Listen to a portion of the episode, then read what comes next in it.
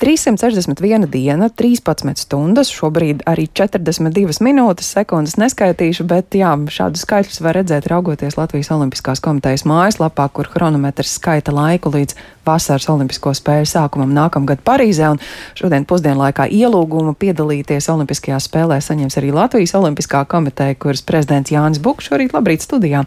Labrīt! Labrīt! Nu, šķiet, daudz laika, gandrīz gads vēl atlicis, bet uh, parasti tas ir saspringts posms.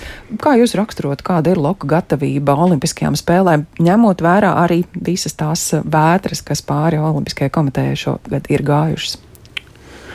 Domāju, ka šī ir viena no pamatlietām, pamat uzdevumiem Olimpiskajai komitejai sagatavot Latvijas sportistu dalību Parīzē. Un, uh, esmu pārliecināts, ka mēs esam labā stāvoklī, lai, lai turpinātu dotos, lai, lai nodrošinātu sākumā jā, sportistiem uh, sagatavo, visus labākos sagatavošanās apstākļus, lai viņi kvalificētos Olimpiskajām spēlēm un piedalītos Olimpiskajās spēlēs. Nu, tā kvalificēšanās droši vien ar sagatavošanos ir bijusi jāveic jau krietnu brīdi pirms šis ir tas pēdējais, bet tīri praktiski, kas ir tas, kas ir jāizdara, kas ir no jums atkarīgs? No mums atkarīgs uh, Olimpiskās uh, komitejas pamatu uzdevums ir nodrošināt šo sagatavošanās posmu, jo tā kvalifikācija patiesībā, ja mēs tā raugamies uh, secīgi atkarībā no sporta veida, jo sporta veidi ir daudz, tad es ļoti ticu basketbolu vīriešu izlasēji, un viņiem tā kvalifikācija ir nākamā gada jūlijas. Mm -hmm. Tā kā vēl pēc faktiski gada, ka es ceru, ka viņi caur pasaules čempionātu tiks uz eh, Olimpisko kvalifikācijas turnīru un tur arī uzvarēs. Tātad basketbolisti, ko vēl mēs liekam mūsu olimpiskās um, izlases, olimpiskās vienības sastāvā, jūs prāt, cik liels ir mūsu izredzes? Mūsu izredzes, eh, ieskaitot basketbolistus, ja, būs, ja basketbolists piedalīsies, varētu būt ap 50 sportistiem. Mm. Ja basketbolisti nepiedalās, tad aptuvenais skaitlis varētu būt 32 līdz 35 sportisti no kaut kāda apmēram līdz 12 sporta veidiem. Priecājoties par katru, kuram būs iespēja startēt Olimpiskajās spēlēs, nu, tik un tā tā doma mazliet ir, kā tad viņiem veiksies, jo pat francūži tajā dienā, kad bija atlicis gads līdz Olimpiskajām spēlēm, stāstīja, kas notiks Parīzē un kā tas viss notiks, un, protams, arī um, par savām cerībām, cik liels ir mūsu cerības tikt līdz medaļām. Mūsu cerības, um, es ticu, ka ir. Uh, šobrīd man liekas pārāk uh, ļoti, ļoti, mums, kā mēs zinām, mums ir um, vēsturiski uh, visdažādākie sportisti pilnīgi negaidīti izšāvuši un, un, un kļuvuši par Olimpisko spēļu medaļniekiem. Un es ticu, ka uh, šīs spēles noteikti būs ar medaļām rotātas, un mums būs um, daudz iemeslu atkal būt lepni par saviem sportistiem. To skaita, raugoties uz to, kā viņi izskatās, nu, tas alaži ir viens ārkārtīgi svarīgs jautājums, kāda dizaina tērpi, kāda būs mūsu delegācija. Pat tiem, kas par sportu neinteresējas, tā ir svarīga. Es ticu, ka, jā, viņi, ka mums būs arī lepnums, kā viņi izskatās. Es pats personiski arī vēl neesmu redzējis.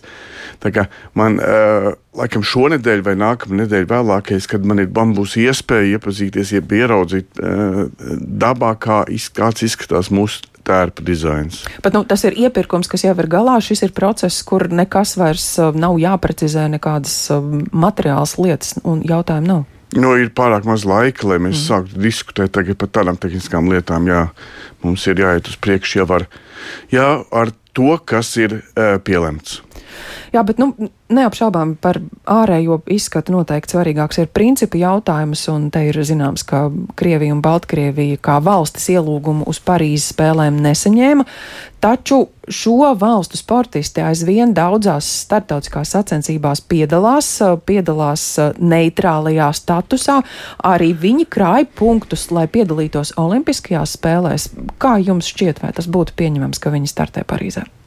Ziniet, kā tā, tā situācija mainās ļoti dinamiski. Un mans personiskais viedoklis ir, ka nē.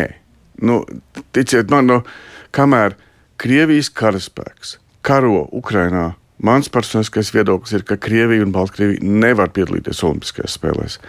Jo tad mēs tiešām nu, tā būs absolūti necieņa pret tiem, kas ir nogalināti, tie, kas ir izdzīti no savām mājām par buču un par irpiņu. Nu, tas ir tajā man ir ļoti, ļoti stingra personiska principāla nostāja. Taču, kā jau minēju, sākumā jā, situācija mainās. Un, Pagājušā nedēļā pati Ukraina ir pieņēmusi lēmumu atļaut Ukraiņas sportistiem piedalīties sacensībās ar Krievijas un Baltkrievijas sportistiem, ja viņi startē neitrālā statusā. Šonadēļ man ir paredzēta saruna ar Ukraiņas Olimpiskās komitejas prezidentu, lai precizētu daudzas detaļas, jo, protams, ka vēlams slēpjas detaļās, kā, kā, kāpēc, kādā statusā, kā viņi paši to redz, jo viņi ir cietusī valsts.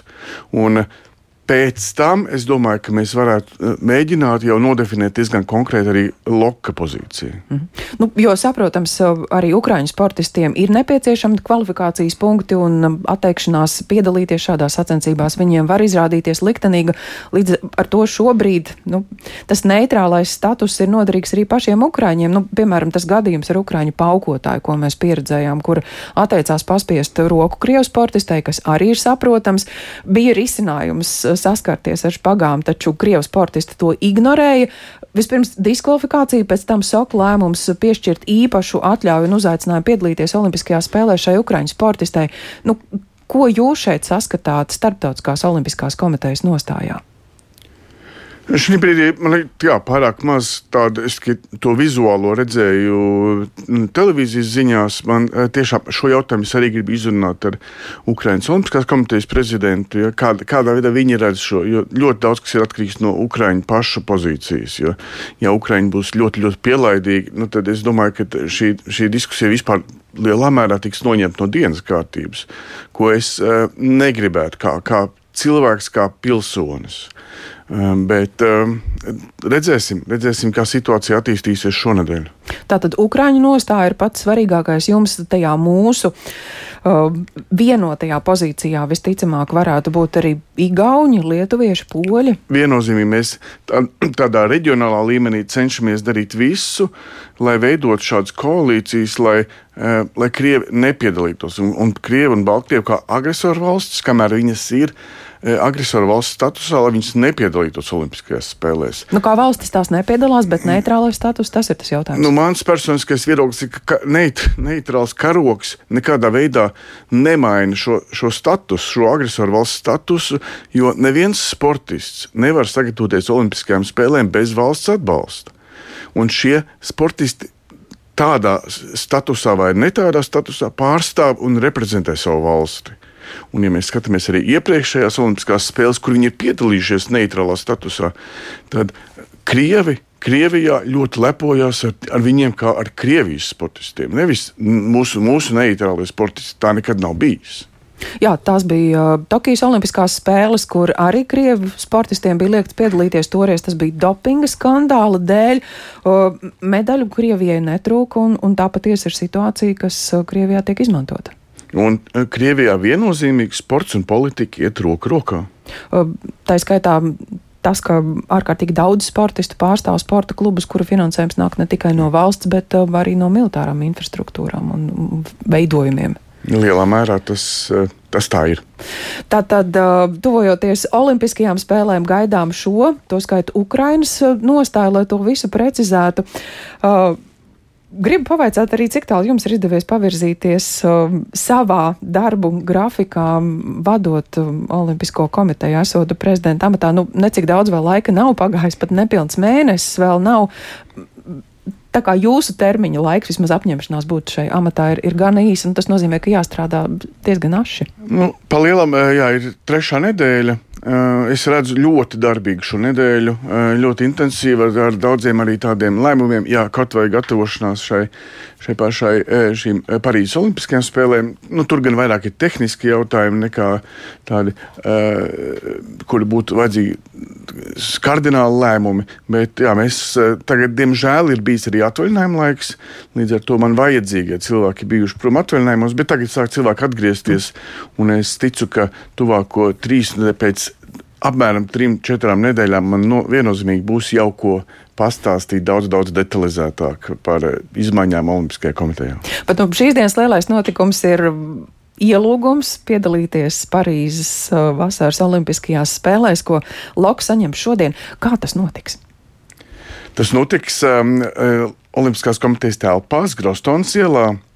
Un uh, būs tradicionāli, kad kurjeru kompānija, kurjeru pasta kompānija, mm. uh, UPS šķiet, atvedīs šo ielūgumu, svinīgi nodos uh, man, personīgi rokās, un tad mēs viņu vērsim vaļā. Tas ir tāds nu, formāls ielūgums, vai, vai, vai katru reizi tur var būt arī kaut kādas, kaut kādas nianses, vidīgas nianses? Es ļoti ticu tam, ka tur nebūs nekāda pārsteiguma, ka, tur, jā, ka tas ir, ir procedūra, šī tradīcija. Mhm. Tradīcija, kas tiek turpināta, un tradīcija, kurā klāt varēs būt arī mēdīji, un droši vien pēc tam arī klausītāji un skatītāji, jo jūs neslēpsiet šo dokumentu, ko saņemsiet. Protams, protams, un es uh, stingri arī viena no manām apņemšanām, uh, arī kandidējot par loku prezidentu, bija padarīt uh, Olimpisko komiteju daudz atvērtāku un pieejamāku biedriem, žurnālistiem un sabiedrībai.